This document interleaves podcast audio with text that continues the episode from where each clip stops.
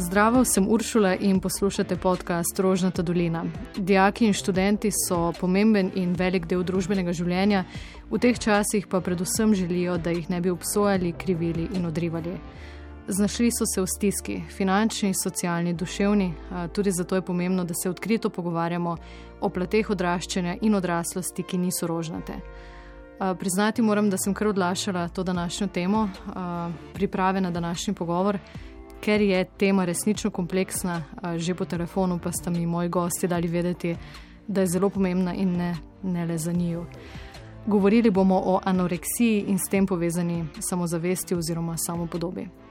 Meta Vražič in Polona Rodič, hvala, da ste se odzvali mojemu vabilu. Hvala tebi za ja, to. Hvala za povabilo. Z veseljem. Za začetek, uvod, predstavitev, povejte nekaj o sebi. Meta, izvoli. Sem stara 23 let, uh, sem študentka novinarstva, trenutno se ukvarjam tudi s powerliftingom, tekmujem, imam državni rekord v počepu, sem pa tudi uh, licencirana osebna trenerka, čeprav v tem trenutku zaprtjem vseh objektov nekaj prodost. Uh, zanima me ta rekord. Kategorija nad 84 kg. Koliko si potem dvignila? Takrat sem sicer imela v bistvu sam 90 kg počepa, sam v primerjavi s tem, v primerjavi s tem, koliko ga imam zdaj, to ni več velika, ne? zdaj imam vsaj 120 kg, če ne več. 120 kg dvigneš. Ja. O, oh, wow. to pa je dosežek. Polona, izvoli. Ja, lepo zdrav, torej jaz sem pa Polona, stara sem 22, skoraj 23, uh, sem pa študentka slovenistike. Mm, torej, tukaj sem seveda zaradi svoje izkušnje z anoreksijo, o kateri sem pa potem tudi uh, napisala knjigo, izdala sem jo prejšnje leto, ker se tudi veliko ukvarjam s pisanjem, torej pišem poezijo. Mm, drugače pa v prostem času, mislim, nasploh me zanima umetnost, tako da se ukvarjam s plesom, plešem balet, um, rada slikam, berem, mislim, vse, kar je povezano z umetnostjo. Super, lepo slišati. Uh, torej ste ista generacija, kateri letnik? 98. Ja, sem eno leto starejši. Aha, 98 in 97. 97. Super. Uh, podobna generacija, torej leto razlike, um, delite si tudi izkušnjo prebolele bolezni, iste bolezni, anoreksije, nervoze. Uh, včeraj sem brala veliko o tem razvoju bolezni, pa o stopnjah, uh, pa vsem, kar pride zraven s to obsedenostjo. Uh, z nadzorovanjem količine zaužite hrane. Seveda potrujejo temu tudi psihološke vedenske težave. Kako bi vidvi opisali svoje začetke? Zdaj, ko lahko gledate nazaj in verjetno že identificirate, kaj so bili tisti začetki, kako se začne in kako se stopnjuje bolezen. Pri meni se je začela pravzaprav tako. Ta bolezen se je začela pri recimo 14-15 letih, ko sem se mogoče kot takrat najstnica začela razvijati ne? in psihično, in potem tudi žensko telo se začne razvijati in naenkrat postaneš večja, ne? naenkrat je tvoje telo drugačno in jaz tega nisem mogla sprejeti. Um, se mi zdi, da se takrat ob tistem času se velik deklet pač vrti okoli tega in nekako si pač. Čez leta nisem bila všeč, ne glede na to, koliko kilogramov sem potem izgubila, ker sem že v osnovni šoli začela hujšati in potem v srednji šoli vsako leto več, dokler ni potem to vodilo v neke vrste začaran krok. Kaj pa vem, nek padec na vzdolj, kar se ne moreš vrniti. Polona, kaj to pomeni kot 14-letno dekle, da se opazuješ v gledalu in, in si nisi všeč, so tvoji proporciji nenavadni, se čudiš samemu sebi, te moti telo, kako se začne? Ali je najprej hrana tista, ki, ki jo začenjaš odrivati? Jaz mislim, da pravzaprav ni ta prav fokus ni pravzaprav na hrani uh mhm. -huh. in na telesu, ampak so vedno neke karakteristike, ki ti pripeljejo do tega. Ne? Jaz sem zelo po naravi perfekcionist in tudi malo manj tako, sem malo nagnjena k temu črno-belemu razmišljanju. Ne? Se moram imeti, vse moram imeti odlično, mogla sem biti odlična v šoli. Ne? In potem tudi sem hodila odlično zgledati. In vedno najdeš nekaj, kar je narobe na tvojem telesu, ne glede na to, koliko si že suh na koncu. Tako da hrana je pa neke vrste sredstvo, s katerim ti to dosegaš. In to nadzoruješ, ne?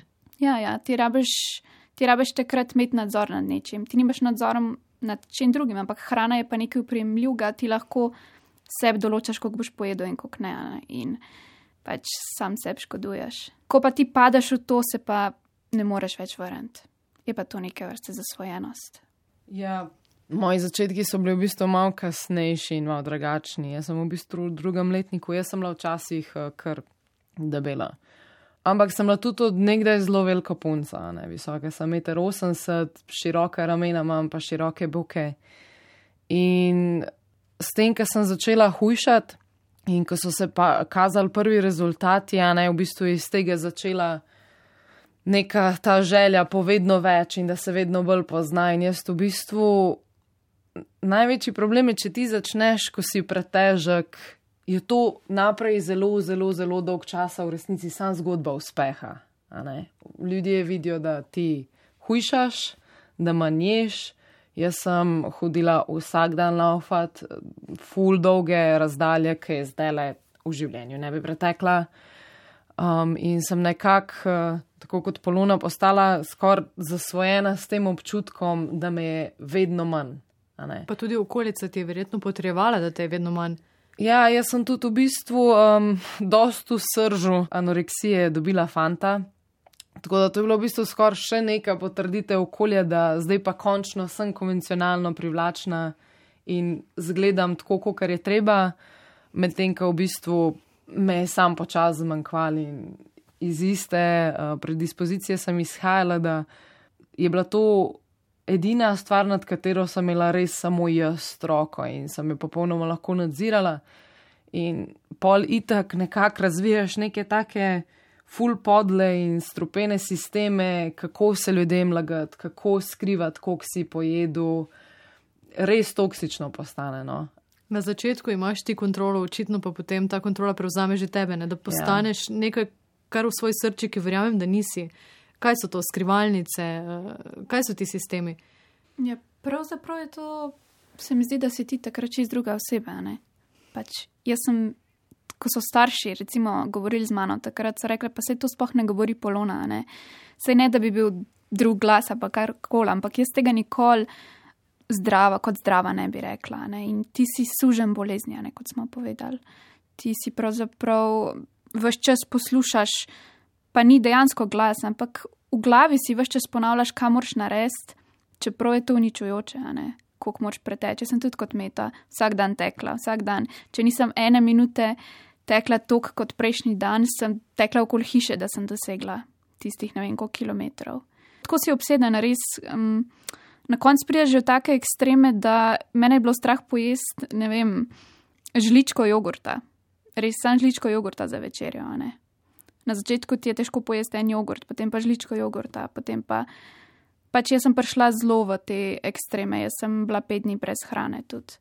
Je pa tako, ni pa vseh tako, nekateri imajo anoreksijo tudi po deset let, pa normalno funkcionirajo. Ne? Zdaj, nekatere spoh ne vemo, da imajo anoreksijo.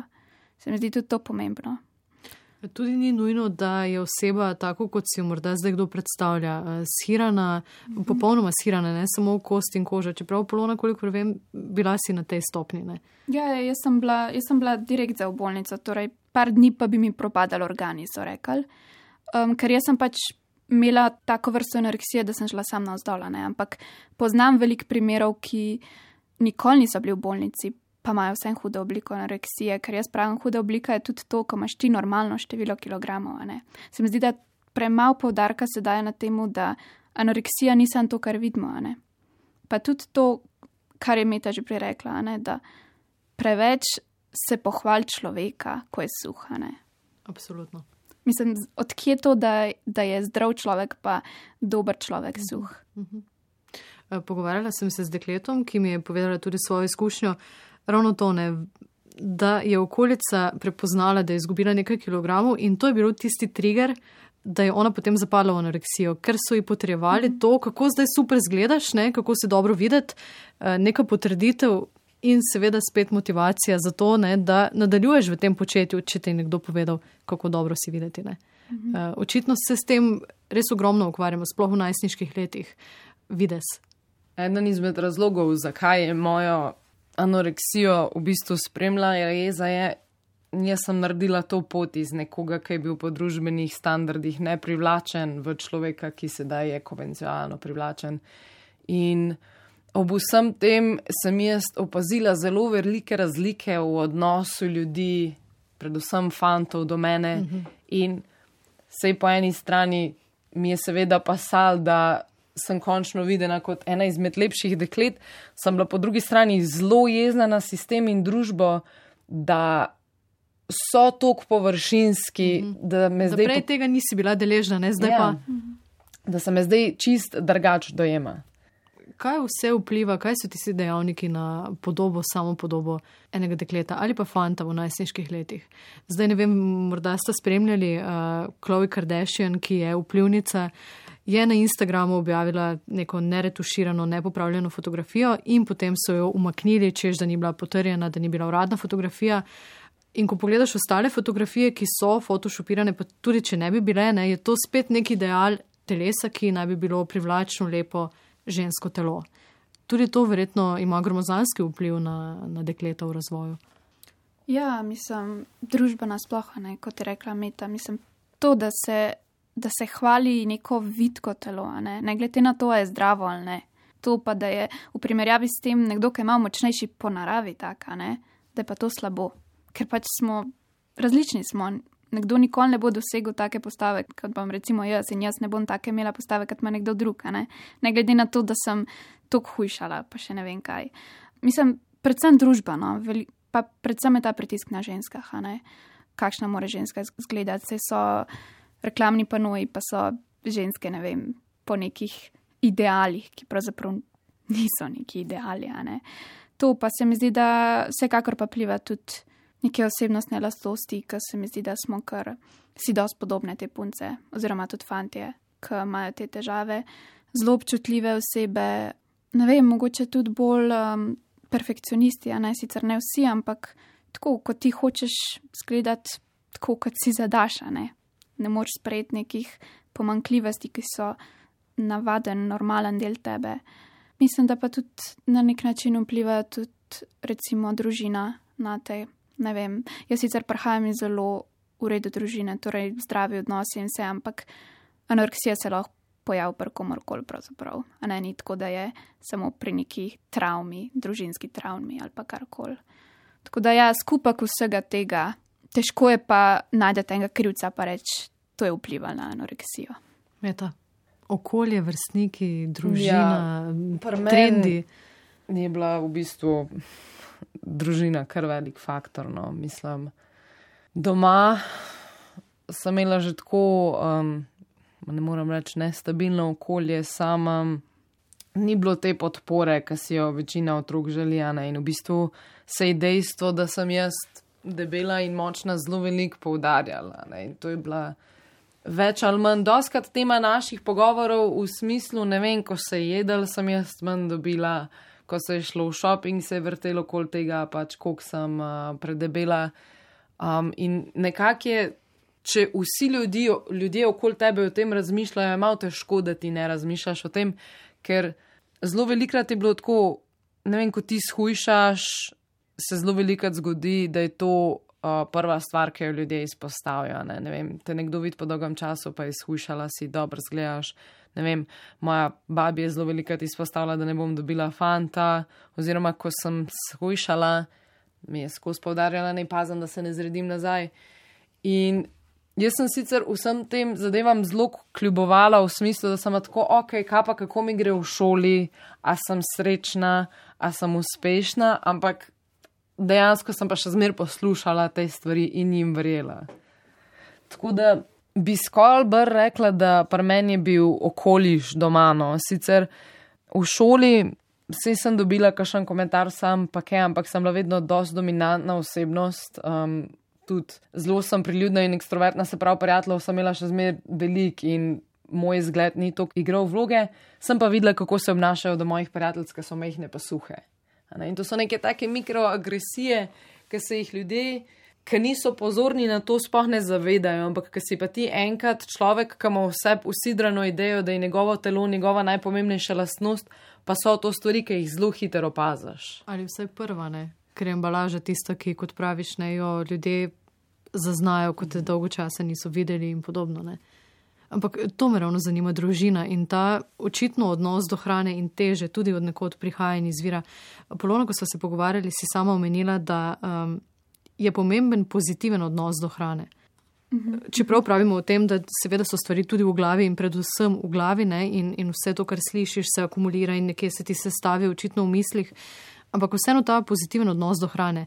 Pa že neki komentarji pri mizi, to je neka družinska dinamika, ki bi lahko bila bolj prijazna, ko gledate za nazaj. Ja, ja mislim, meni grozen slišati. Ne?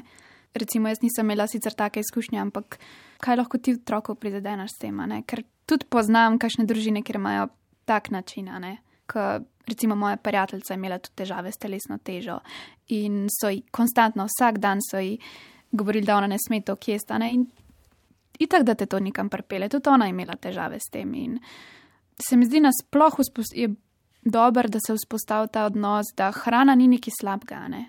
Hrana nisem neki, s čimer se ti rediš, ker to se mi zdi, da mi imamo dejansko vzpostavljen nek strah pred hrano. Tako, karkoli ni zeleno, karkoli ni nizkokalorično, je, je nekaj, česar se bojimo. Zakaj se mi bojimo hrane? Pa to, da se ocenjuje telesano. Vsekakor se mi zdi pa tudi odnos, kakšen je odnos staršev do svojih telesane. Um, kako oni gledajo na te, kako. Ker dedujemo te stvari, ja, ne? ja, te ja, neke predsotke. Mislim, da, ja. O, poglej, moj nos ima, naprimer. Ja, Samo ena stvar, ja. ki lahko zaznamuje otroka. Ja, ja. Ja, mislim, preveč, preveč se vrtimo o tem, kako izgledamo nasploh. Zakaj se ne pogovarjamo o drugih stvarih? Hrana bi mogla biti samo neki, neki za preživetje, pa neki za užitek in to je to. Mm. Uh, osnovna šola, konec osnovne šole, srednja šola, ko se začnejo te težave. Uh, kakšen odnos so imele recimo sošolke do hrane? Jaz se spomnim svojih srednješolskih let, eh, številne so gledale tudi deklaracijo, koliko kalorij ima neko živilo na vodi. Ne. Eh, pa vse čas so se vrtele okoli nekih diet. Ne pravim, nekatere od teh stvari so bile pač samo del nekih pričakovanj, da se pogovarjamo. Jaz sem pa zdaj na dieti, pa nismo mislili resno, pa nismo bile na dieti. Bil to pač nek seštevek okoliščin. Kakšen odnos so imele vajne vrstnice? So tudi one kaj prispevali k temu, da sta več razmišljali o hrani, o kalorijah, o maščobah? Ja, jaz v bistvu sem imela, iskreno povedano, ne moram reči, da je imela kera dejansko prav negativen odnos mhm. do hrane. Bolj se je šlo zato, da sem bila vseeno obkrožena s puncami, ki so bile mehne in suhe in so bile že petite. Sej ene pare je bilo športnic, tako da one se predvsem uh, niso toliko ukvarjale s tem, zato ker so itek sprot pokorle. Ne? Jaz niti nisem športnica in sem v bistvu količinsko, sem zelo velik primerjala z njimi, a ne sam nikoli pa nisem pomislila, da ne vem, jaz, ki sem visoka, takrat 1,70 m, ne morem toliko pojesti, kot moja kolegica, ki je 1,5 m. Tako da ne moram reči, da mi je kjerkoli mogoče po nesreči ubila to v glavo ampak so bili bolj zunani faktori, da sem jaz v bistvu videla, kako je njim bolj fajn, ne ker so take, ki so, kot kar meni, ker nisem taka, kot ne. Ja, tudi jaz nisem bila v nekem zelo negativnem okolju. Ampak recimo zdaj, zdaj se spomnim, ker razmišljam, da v osnovni šoli smo recimo s prijateljico, ki je bila tudi zelo po naravi veliko bolj suha kot jaz. Ne? Taka res trlca je bila, kako ne rečem, pa nočem negativno to misliti. Um, In sem pač vse čas gledala, kako zgleda ona. Ne? In hotla biti kot ona. In potem mi je ona rekla, ja, pet bo pa skupaj tekle. Ne? In potem sva vem, da sva skupaj hujšale. Sploh ne vem, zakaj je ona hujšala. Ampak v osmem, devetem razredu sva hujšala. In potem v gimnaziji sem, sem sicer imela, um, še zdaj imam no, najboljša prijateljica, ki je imela res pozitiven odnos do hrane, do telesa in nasploh. In je šla z mano čez to bolezen, tako da, da me je spodbujala. Ne? Ampak ostale punce so bile pa zelo nesamozavestne glede svojih teles. In tudi sem bila recimo v razredu, imeli smo res, mislim, da pet fantov vse skupaj. In ti fanti ne vem, odkje so se vzeli, ampak dejansko, ko smo mi punce šle na tablo, ko smo mogli hoditi na tablo, pisati račune, so ocenjevali, ne vem, številkami, kakšno ritma pa ta punca, pa govorili, koliko je debela. Pa. Itak, da se potem punca ne počuti dobro. Meni je bilo grozno iti na tablo zadnje leto, potem sem šla pa v bolnico, pa so pa videli, kaj se lahko zgodi. In ja. ti fanti imajo mame, in ti fanti imajo sestre, ja. in ti ja, fanti imajo dekletane. Uh mhm. -huh. in, in ti fanti imajo zelo toksičen prepričanje o tem, kako naj bi bila videti neka ženska. Ne? Ja. Sam si to itek. Druga tema, pol, na katero se lahko razširi, da pač itek s to pričakovano podobo mislim, ta pričakovana podoba gre zelo lepo z roko v roki z neko objektifikacijo in to, koliko se dejansko vrednosti tako postavlja na ženska telesa. Ne? Zato, ker. Pa lepa je tako boj zvol bi boj za ne, ampak ne vem, meni na kraj pameti ne pade, da bom videla tipa na cesti ali pa pred tablo, pa bom začela ocenjevati. Sam mi lih iz tega, ker s tem odraščamo in smo bili že vse enkrat v poziciji, Deležne. kjer smo bile um, ne samo zavestne in se nismo počutile varne in nam je bilo ne, neprijetno. Iz te predispozicije pol tega preprosto ne počneš, ne. Medtem, ker se jim to preprosto ne dogaja in s to ignoranco dejansko pol vse te stvari počnejo. Težko boš pa ti najdu, mislim, seveda so fanti, ki imajo take težave, sam dejstvo je, da ni pa, niso pa tako skozi bombardirani s temi informacijami, kot smo punce, ne. in pričakovanji, in zasmehovanji, mm -hmm. in nadlegovanjem razno raznih vrstne. Kdaj ste vi dve spoznali, da sta bolni? A sploh pomaga, če ti nekdo reče, preveč si suha, nehaj, prosim te, nehaj, kaj si danes pojedla, vsa ta vprašanja. A to pomaga ali si gluh in slep? Uh, Mm, Ja, jaz sem, kot sem že prej omenila, sem sama ugotovila, da imam to bolezen. Jaz sem jo zelo dobro skrivala, ampak dejansko ne vem. Sem ugotovila, da to ni v redu, ne? da to, kar počnem, ni nekaj naravnega, da se bojim jesti s prijatelji, pa da vsak dan tok tečem, da me noge bolijo, res, res sem bila utrujena. In potem sem pač malo surfala po internetu, kaj je to, kje znake imam in pol vidim, aha, anoreksija in sem rekla, o moj bog, kaj je zdaj to. Jaz tega res nočem imeti anoreksije. Jaz sem se res ustrašila, da imam to bolezen. In potem zelo zanimivo, jaz sem to povedala staršem. Ne? Jaz sem rekla, jaz mislim, da imam anoreksijo, kar je zelo zrelo za eno 17-letnico, da sama prizna staršem, da ima anoreksijo. In potem, potem se je začelo. ne, potem se je pa najhujše. zares začelo. Ja. Potem sem pa jaz rekla, aha, zdaj pa to ni več v mojih rokah, zdaj mi pa ni več treba skrivati, zdaj pa vejo doma. Ne? In je šlo sem navzdol, v enem mesecu 10 kil, potem so me pa pač zdravniku pelali, vse možno probavali, sem da ne bi šla na zdravljenje, ampak ko si enkrat tuk noter, ne moreš, a ne. Jaz zelo občudujem tiste, ki se, ki ne pridejo v bolnico, ne, ker tisto ni fajn. Ampak včasih je to edina rešitev. Polona, na nek način si preložila odgovornost za se, torej na starše, ne, in takrat Uh -huh, uh -huh. se je začelo tisto najhujše. Ja, tako je. Ja. Tako. Kaj to pomeni? Govorila si o tem, da si imela cilje 50 kg, potem 45, potem 40. Ja, ja. Um, mislim, da sem bila na koncu tam na 36, da sem prišla. Pa sem, jaz sem zelo majhna, ne, ampak vseeno, to sem bila res orang podhranjena. Um, pa se mi zdi, da sploh ni pomemben to v samih kilah, ampak ta način, ne, kako ti se vsak dan tehtaš. Ne. Ja, in aha, zdaj sem pa prišla na 40, wow, kako bi bilo pa, če bi na 39. In ti sploh, če boš naslednji dan dve deki imel več, bo to panika, ne si nekaj narobe naredil, bom mogla še en kilometr več preteč. In tisto poletje, recimo, sem jaz. Um, Pač z anoreksijo, verjete, je prišla pri meni tudi depresija. Ne? Jaz sem se potem zdravila tudi za depresijo. Zmeraj pride ali depresija, Ja, ja, tesnoba, ja. ja. anksioznost, to ja, ne gre ja, drugače. ne. Absolutno. To je, se mi zdi tudi dosti povezan s to podhranjenostjo. Jaz sem dejansko razen tega, da sem telovadila in na skrivaj in zunaj šla, ne vem, teč in tako, sem ležala v postelji dva meseca, celo poletje um, in hirala in načedla, stran metala hrano in tudi družini je bilo težko takrat. Ja, tako da mislim, da jim je na nek način odlegel, ko so me odpeljali v bolnico, ker so me sam tako lahko rešili. Kaj to pomeni, da skrivaš hrano, mažeš krožnike, mečeš stran?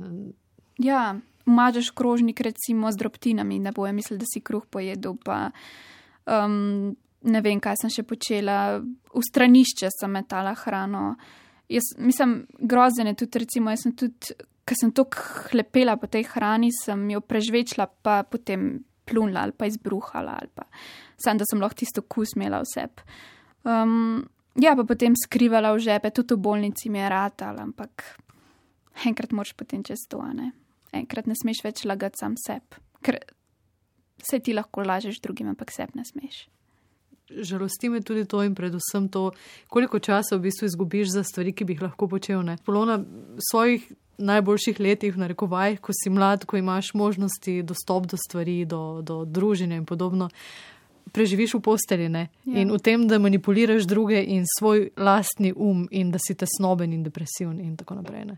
Veliko izgubiš s tem, res, res, Veliko, res ja. veliko ne. Velik. In tudi se mi zdi ta razvoj, se, ta psihični razvoj mladostnika se je zaustavil takrat. Seveda. In jaz sem mogla ful nadomestiti po tem pozdravljanju, da sem lahko dohtela vrstnike. Verjamem. Meta, kdaj si ugotovila, spoznala, da si bolna? Um, mislim, da je jasno ti je itak že od začetka, da pač ne delaš lih stvari po najbolj zdravi poti. Uh, jaz sem, še zdaj se spomnim, ful živo. Bila sem v službi, uh, delala sem v eni čajnici, ki je bila istočasno recepcija za en bed and breakfast in sem imela zvečer vedno full mir. Uh, in sem delala seminarsko estetska hidrologija kot posledica družbenih standardov lepote. In vmes je, bila, je bilo eno poglavje, v bistvu dejansko posvečeno prehranskim motnjam, in sem brala definicije, in pod eh, definicijo za anoreksijo je bilo šest alinej. In jaz pač vsako alinejo, ki sem jo prebrala, sem v bistvu za vsako je bilo tako, kot da, bi me nekdo boksnil v pljuča, ker sem vedno bolj ugotavljala, da se pač vse te alineje aplicirajo na me. Um, jaz sem takrat v tistem trenutku v bistvu kar zapaničarla. Ful sem zapaničarla v smislu, pač, kaj zdaj to pomeni. Uh, istočasno, pri meni je bilo lih obratno, kot kar pod poloni, jaz sem bila pa tako. Zdaj, če dam jaz temu definicijo, pomeni, da bo mogla najbrž to nehati delati. Ne? Pa nisem, v resnici. Povedala sem takrat svojemu fantu, pa šla sem k zdravnici. In sem ji povedala, sem dobila napotenco uh, za psihologa, uh, tja, kamor ponovadi sicer grejo tudi punce pol za.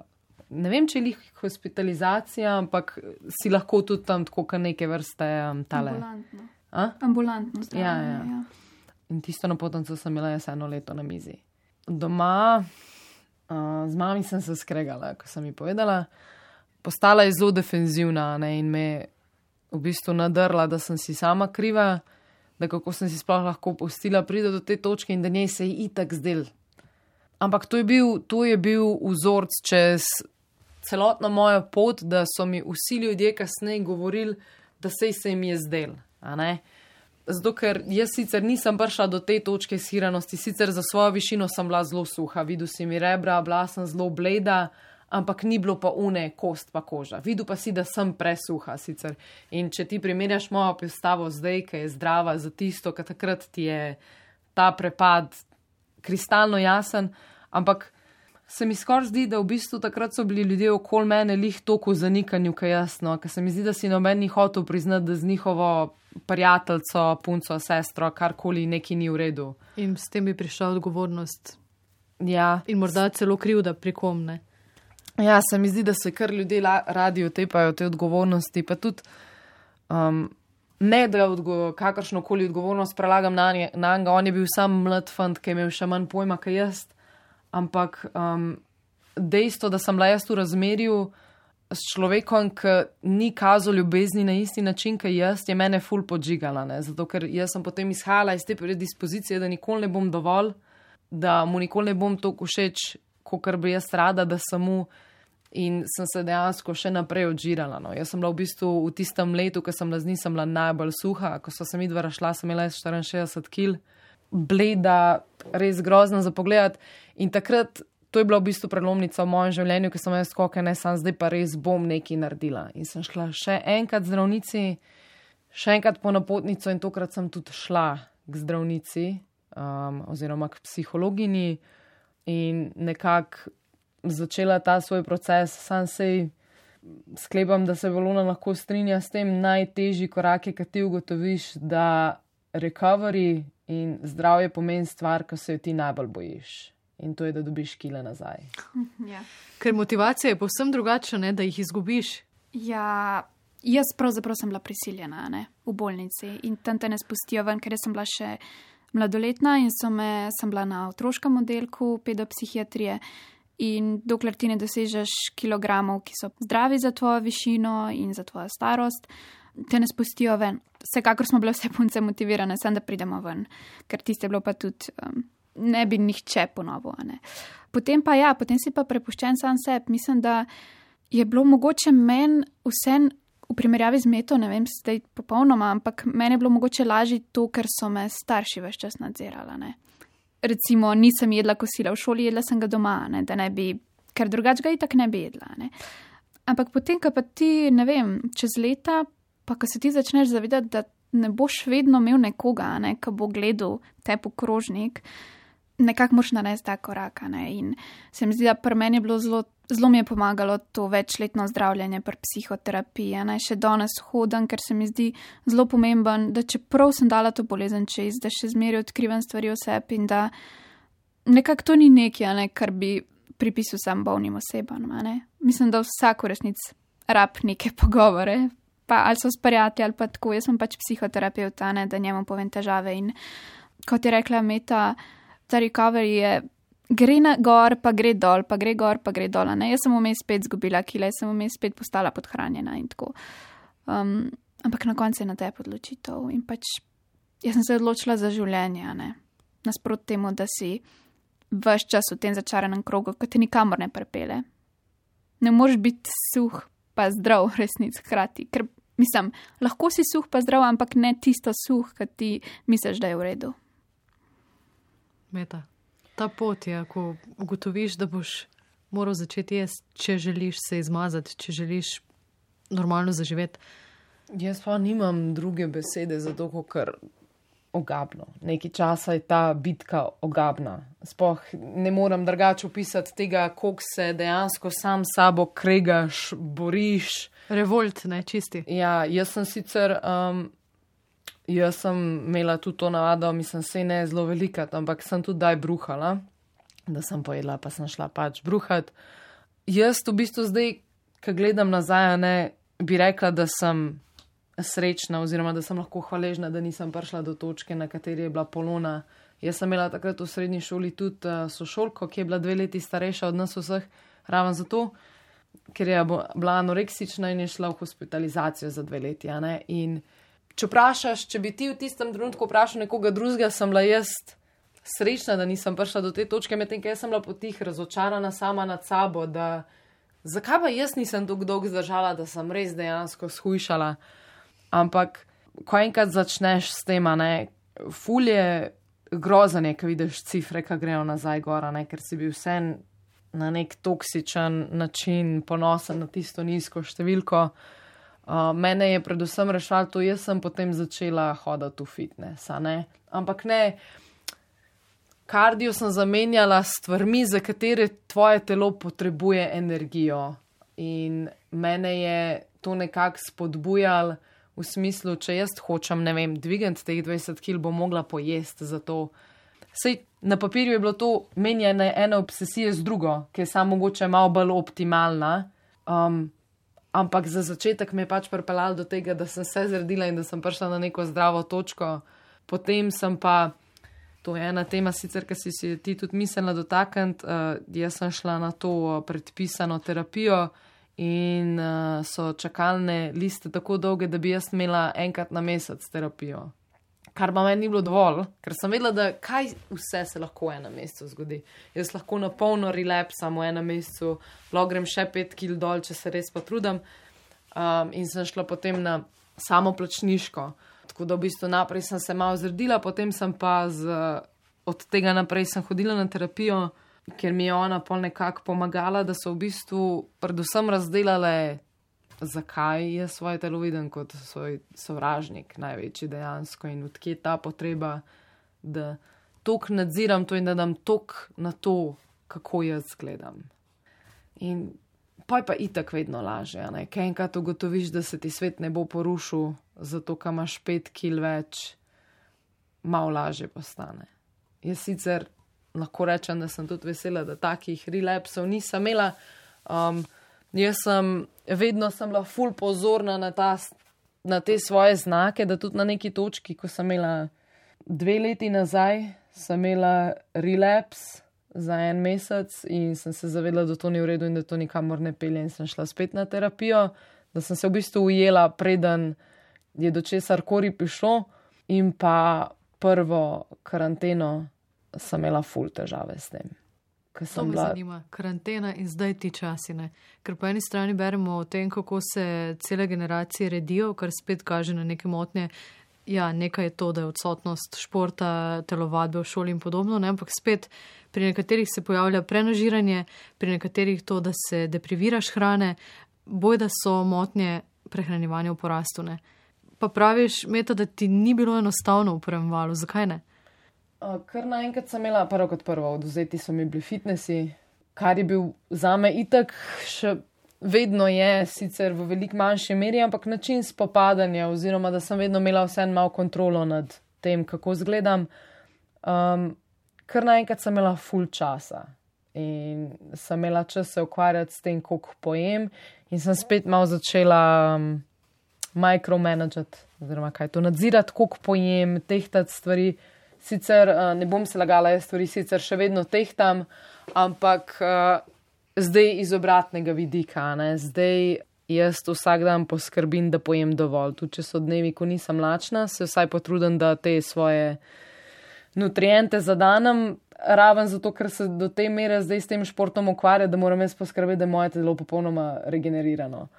In takrat mislim, da je bil za me tudi raven to problem, da, kot sem prej rekla, ne, jaz sem to svojo največjo šibkost, da sem velika da bi bila rada suha spremenila v to, da sem začela svoje telo izkoriščati za to, kar je. In sem se začela ukvarjati s športom, kjer je moja konstitucija prednost. In sem postala ponosna na to, da sem močna in velika. In potem v prvi karanteni mi je bilo tudi to oduzeto. Se pravi, nisem počela stvari, v kateri sem najbolj uživala, pa kar naenkrat sem imela fulenga časa se ukvarjati. Spet nadzorne. Ja. ja. In vse sem prvo karanteno shujšala, sicer niti ni bil moj namen. Se mi zdi, da je bilo v bistvu že skoraj podzavestno, da sem se toliko z vsemi temi stvarmi ukvarjala, da sem avtomatično shujšala. Tako da zdaj se mi zdi, da v drugi karanteni to veliko lažje prenašam. Mhm. Polono, kaj misliš? Eh, pogovarjala sem se v prvem valu ali pa mogoče v drugem in je dejal Luka Vok, ki piše sicer za mladino, da se je nekega dne pogledal v gledalo in je bil bled in suh da ni opazil, da izgublja težo, ampak da očitno je zapadel v neko potrtost. Eh, kakšno je to spopadanje in kako opazuješ pri sebi, no? prav s prehranjevanjem? Ker časi so taki, da tudi socializacija ni taka kot prej, ne? vse se je razblinilo. Ja, kot je rekla Mita, ne več časa imamo. Se mi zdi, da to veliko doprinese k temu, da se začne človek ukvarjati s tem, kako zgleda. Ti imaš čas dejansko za gledanje v gledalo, čas imaš za telovadbo, za razmišljanje o hrani. Ne. To je recimo ena stvar, potem pa tudi te stiske, ki se pojavijo ob karanteni, ne vem, kar, pač, kar zdaj se dogaja mladim in te uh, socialne stiske, pa potem odnosi v družini. Ne. Vsi smo zdaj večinoma doma ne, in ima vsak svoje težave doma. In velikrat je lažje biti zunaj s prijatelji, nekje jeti iz enega in izga okolja. Um, zdaj smo pa vsi vse čas na istem mestu in vsekakor se potem neka oseba lahko s takimi težavami sooča na tak način, da kontrolira hrano. Se anoreksija ni, pač kot povdarjam, ne, ni, ni poanta v hrani. Mhm. Poanta je v tem, da ti s tem hujšanjem rešuješ svoje težave, oziroma potlačaš težave vse. To je kot. To je kot druga. Za svojenost. Ja, za svojenost, nekaj vrste za svojenost. Nekdo se pa vrže v kaj drugega kontrola ne, nad mm -hmm. epidemijo in nad tem, kaj se zdaj le dogaja, ja. res noben nima vpliva. Se pravi, se obrneš k prvi stvari, ki jo ti že itak znaš kontrolirati. Ja, nekje, kjer si uspešena, ne? nekje, kjer pač veš, da bo pa ratal. Prehrani lahko, ne? hrano lahko nadzorujemo, lahko nadzorujemo, kako bomo pojedla, ne? tega, kar je zunaj, pa ne.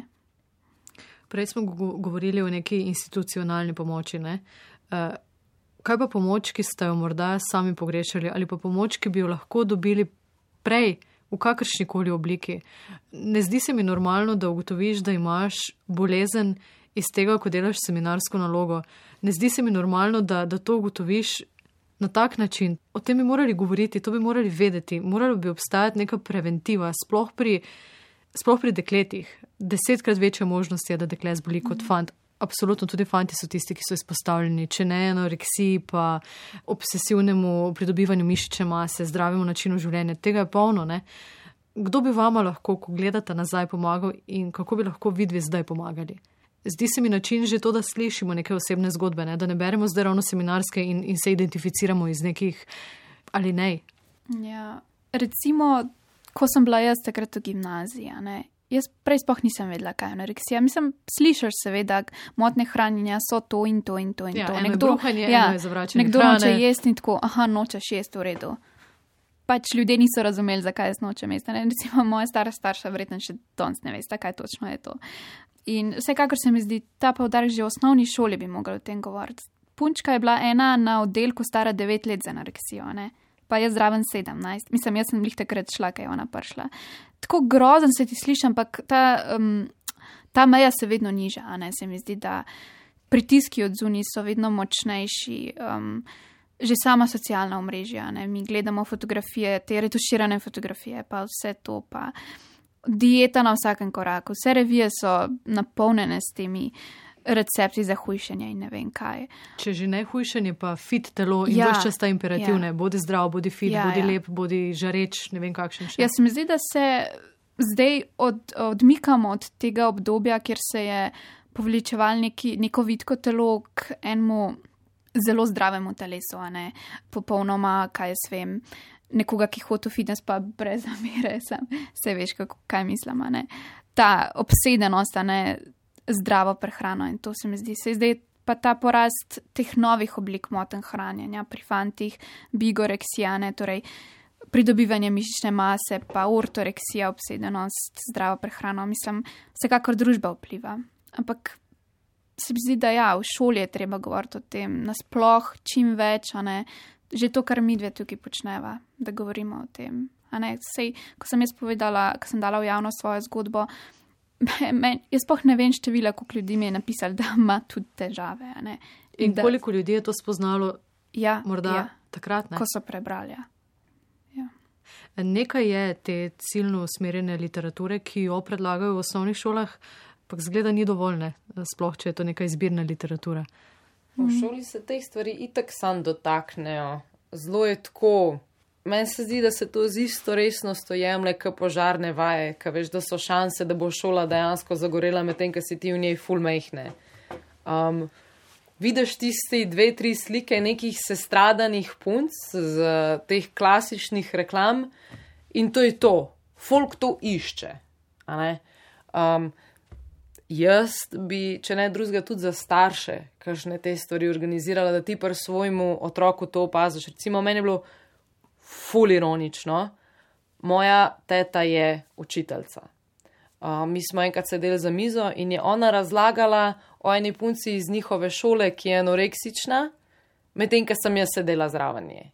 Zdaj, ko gledaš zelo žalostno, ona je takrat razlagala, kaj so znaki in je rekla, ja, ena izmed stvari je, da so te punce tudi vedno ful manj oblečene, zato ker če te zebe porabiš več kalorij. In kaj sem jaz takrat pomislila, sem tako, u, tega pa nisem vedela. In meni je bila, meni je bila ta pozicija cele te situacije ful ironična, da je ona, men, da je ona nam razlagala neke te stvari, ki jim oni na hitro rišajo, medtem ko je zraven nje sedela njena nečakinja, ki je živ primer anoreksije in ni ugotovila. In namesto da se pokaže tisti dve sliki in ti poveš definicijo, katere se ljudje uklepajo, pokažeš nijanse tega. Uh -huh. ne? ne vem, če mene vprašaš, sem takrat ful slab človek. Uh, bila sem iritabilna, tečna, utrujena, zelo hitro užaljena, defenzivna, grizla sem okoli sebe. Ne? ne bi se res ne bi opisala kot neko pozitivno osebo, pa si si težko pozitiven, če si skozi slačana. Ne? Te stvari, ne, jaz mogoče sem se vizualno spremenila na način, ki je bil ljudem družbeno spremljiv, ampak se sem se tudi osebnostno ful spremenila. Ampak o tem pa noben ne govori, da to so tudi neki znaki, da se pač tvoj otrok, sovrstnik, prijatelj spreminja. In to so predvsem stvari, ki bi jih jaz tudi začela izpostavljati, ko pride do ozaveščanja. Ker jaz tudi, recimo, ta prvič, ko sem šla, ah, te psihologinji so me pelali na hiter ogled te stavbe, ker ona je meni že začela razlagati, ne v smislu, da bi lahko tudi mene not vključali, pa ne, nekdo mi je od moje najboljše prijateljice takratne mami pa tudi tam delala. In ona je meni razlagala tudi, kaj te punce, ki so tam počnejo od tega, da um, si trgajo infuzije iz rok, da zelo uh, grotesno, ampak da si prav probajo sprazniti anus, zato da grejo te stvari čim hitreje iz njih. In kaj sem jaz takrat razmišljala, je bilo pa se jaz tega ne delam, se jaz nisem tako bed, se pravi, že nisem anoreksična. Ne? Tako da predvsem se premalo pozornosti posvetim vsem tem nijansam. In identifikaciji teh znakov, ne? ki očitno vodijo tudi v neko asocialnost, ker ironično je spet to, da ti se želiš bolj skladati z okolico in z njihovimi pričakovanji in postati samozavestnejši in tak, v resnici pa se dogaja ravno nasprotno, postaješ asocialen, če vam prav razumem. Ogromno stvari ste zamudili s tem, ko ste se zapirali vase, grizli, uh, ne hodili ven, ležali v posteli. Mhm. Prav to, ne? Ja, ko bom pa suh, ko bom pa suh, bom pa samozavesten v množici med prijatelji, ampak ti to nikoli nisi. In jaz sem takrat. Jaz sem imela vedno veliko prijateljev, ampak jaz sem se takrat oddaljila od vseh, še najboljše prijateljice nisem hotela celo poletje videti, pa so bile res, res dobre prijateljice. In um, anoreksija te res izolira. Tako da se mi zdi, da to, kar je rekla Meta, je zelo pomemben, da ni samo ta vides, nikoli ni bil vides. Mene, mene je zelo zmotil, ko je moja mama govorila z eno zdravnico po telefonu o tem, ker je res, res jo je skrbel glede tega. In je rekla zdravnica, ja, koliko pa ima kilogramov? Pa je rekla, mami, mislim, da sem imela takrat 43. Pa je rekla, ja, 43. Aha, ja, koliko je pa visoka? Aha, da zračunam, ja, to pa je že anoreksija. Mislim, kako lahko ti ne, ne. z nekimi številkami določaš, kdaj ima nekdo anoreksijo? Ja, itama. A prej sem imam pa kaj bolimijo. Mislim, tako grozen, ampak prav zaradi tega sem jaz pogledala, joj. Tista punca zraven mene je imela pa 30 kg v bolnici, kdaj bom pa jaz to dosegla? Ne? In se vse čas počutiš tam v bolnici, kot ti rečejo, tam na papirju imaš anoreksijo nervoza, ne? ampak še takrat se počutiš slabo, ker nisi tako suh kot ostali zraven. Ne? In um, recimo tudi to se mi je zdelo zelo napačno, ker jaz sem se mogoče malo hitrejš zredila kot punce zraven mene. Jaz sem imela pač v resnici srečo na nek način, ker sem bila v treh mesecih že zunaj. In so rekli, ja, polona, ti si pa zdaj tako hiter pridobivaš kilograme, da boš pa dobila samo še en kos kruha za zajtrk, ne dva.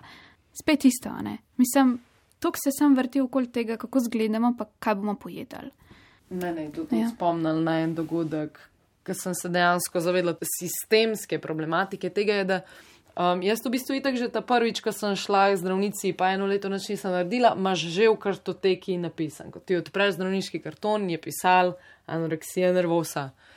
In sem šla jaz uh, čez ene pol leta k zdravnici zaradi težav z aknami, vedno sem imela pač težavno kožo, je bila pa takrat nadomestna zdravnica, ki mi je sicer predpisala klinomicin in je z odprtim kartonom pred sabo mi je rekla: Ja, sam se veš, pa malo manj nutele, pa ne zdrave hrane. In pač meni se je kot osebi, ki že tako noč ne je, ne, takrat mene je, mene je to sesul. Pa sem v resnici še zmeraj sem bila defenzivna, še zmeraj sem prišla domov, pa sem rekla, na papirju si imela, da sem anoreksična, kako mi lahko rečeš neki tasga. Ampak un, ta že poškodovan del mene je pa itak poslušal, se pravi, očitno že zgledam tako. Mhm. Kar je pa že failure iz moje strani, če je to stvar, na katero ona lahko pomisel, kam me pogleda. Ja, mislim, tam so se res v bolnici, vse čas tam je bil res fokus na tem, da ti pridobiš kilograme in nadijo. Ker pač bodimo iskreni, premalo prostora imamo v bolnicah naš, naših, a ne letos pa sploh se mi zdi, kot sem brala. Um, Ni več otroka ali mladostnika, ja. ki bi ga lahko sprejeli. Ne? In potem spet pomisliš na to, ali sem dovolj kritičen, kar je spet problem, ne? ker koliko je takih, ki so kritični, pa si mislijo, gledaj, ni postelj, mhm. počakati bo treba. In ja. tudi primerjanje, iz katerih ste izhajali sami, ne? nekomu gre slabše, nekdo ja. ima manj kilogramov. -hmm. kar še poglablja stisko, ker spet si v tekmi za to, sploh pri motnjah hranjenja, kot je anoreksija ali pa bulimija. Ne? Ja, mislim, grozen. Jaz sem bila tam s puncami, ki so bile mogoče, pa par kil so imele manj kot jaz, pa sem se, pa smo se druga, druga smo itak, nobena ni bila zadovoljna, ne? ampak skratka to mislim, ta pomoč, ne, pogovor pa vse to. Tega pa ni bilo skoraj nič. Jaz sem imela enkrat na teden psihologa in um, priznam, ta psihologinja mi ni čist nič pomagala. Pogovori v skupinah so bili pa na tak način, da so prhajale punce, tudi ki so se ambulantno zdravile in so imele tudi one svoje težave, in potem ni bilo nekaj funkcionalnega. Ne? Jaz sem gledala na to, da je že četrtič prišla iz bolnice, kako bo pa meni to uspela. Ne?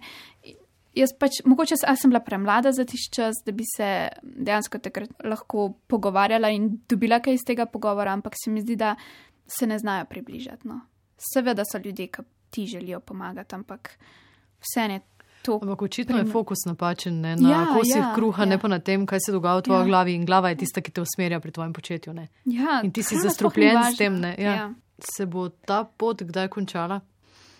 Mislim, to sem sicer še hotla reči, da je na neki točki je meni v bistvu enkrat v smislu prekipel, ko sem ugotovila, koliko ene svoje energije in časa je zapravim za hrano. In sem tako, pa dobro, ne, ne da se mi več. Pač res tako sama nase sem znorila, sem tako, a lahko nehaš, a lahko poješ en burger, brez da si ga cel dan opravičuješ. In za me je bil največji uspeh, ko sem na neki točki enkrat pojedla burger in sem gotovila, da sploh ne razmišljam o tem. Da mi je pač zasedel in da je to to. Tako te male zmage so mi bile ful pomembne, ko ne vem, če mi je nekdo rekel, a gremo na pico, jaz nisem rabila pet minut, da sem razmislila, kaj bom jedla preostanek tedna, sem tako, ja, gremo. Ne vem, na to vprašanje nimam odgovora, če se kdaj konča. Zaenkrat sem na tej poti, da je tega vedno manj in da se znam spopadati s tem. Ne vem pa, če si lahko sama obljubim, da se to nikoli ne bo vrnil. Ker še zdaj, kdaj kašen dan pomislim na to, še zdaj, kdaj kašen dan začutim potrebo po tem, da ne bi jedla, pa potem sama sabo zracionaliziram. Je pa tega vedno manj. Ne vem pa, kako bo čez pet ali pa deset let. Lahko da mi bo rad ali popolnoma vse, lahko da se mi bo nekaj zgodilo v lifeu, ki se mi bo ful poslabšal. Ne vem. Jaz sem glede tega zelo optimistična, ker po tolikih letih, a ne ko je zdaj konc tega, vidim, da preprosto nimaš več, vsaj je pre mene tako, ne, ko pride do nekih težav. Jaz ne vidim, v meni ni več glasu, zdaj bom pa hujšala, ne, ker pre mene je bila edina rešitev, da bom rešila neko težavo, to, da ne bom jedla. Ne? In danes tega ni, tako da jaz sem zelo pozitivna glede tega.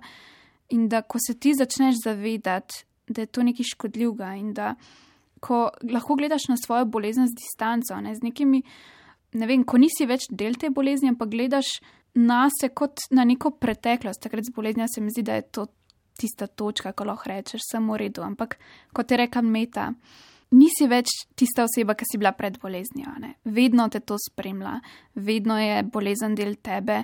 Če ne drugače, sem jaz zelo pozorna, ko ljudje govorijo o hrani in o telesih in fulbol kritična in ker zdrzne se, ker nekdo omeni, joj, ona se je pa zredila ali pa ona je pa skušala, kako je pa lušna ratala. Ker ne? veš, kam to vodi. Ne? Ja, ker vem. Ful defenzivna, glede ja, tega, kar je postala tudi, da v smislu, če, če si kdo moje telo drzne komentirati, postanem veliko bolezna, kot sem včasih v smislu, kaj to tebe briga. Pa to, ko ti nekdo reče, to boš pojedel, pa kaj, kaj to tebe briga? Jaz sem to, kot rabim. Gledaj v svoj krožnik. Ja, ja, točno to, gledaj svoj krožnik, ne to bom jedla, kar mi paše, ne? in tok, kot mi paše. Se mi zdi, da tok gledamo drugemu krožnik, namaz, da bi ne vem, se nam z tega pogovarjala, ne? ne pa da to ocenjujemo, kaj nekdo drug je, ker smo vsi tako neprepričani vase ne? in potem iščemo neko teho v tej hrani. Tako da, kot je rekla, me da je tudi folezna in. Ker malo znorim, ko pač logično, da ne, ko si ti šel čez neko stvar, ne bi drugim želel, da grejo čez to. Uh, končajmo s tem, ker tisti, ki so ostali pač z nami tremi do konca, uh, jih tema zelo zanima. Uh, so morda v bolezni prepoznali koga od svojih bližnjih, prijatelja, otroka, ne vem, morda sebe. Ne. Kaj bi vidvi dejali tistim, ki se spopadajo z anoreksijo, nervozo ali s podobnimi uh, motnjami, in kaj tistim, ki se pretirano ukvarjajo s svojo težo ali s težo drugih, z videzom? In so morda na poti.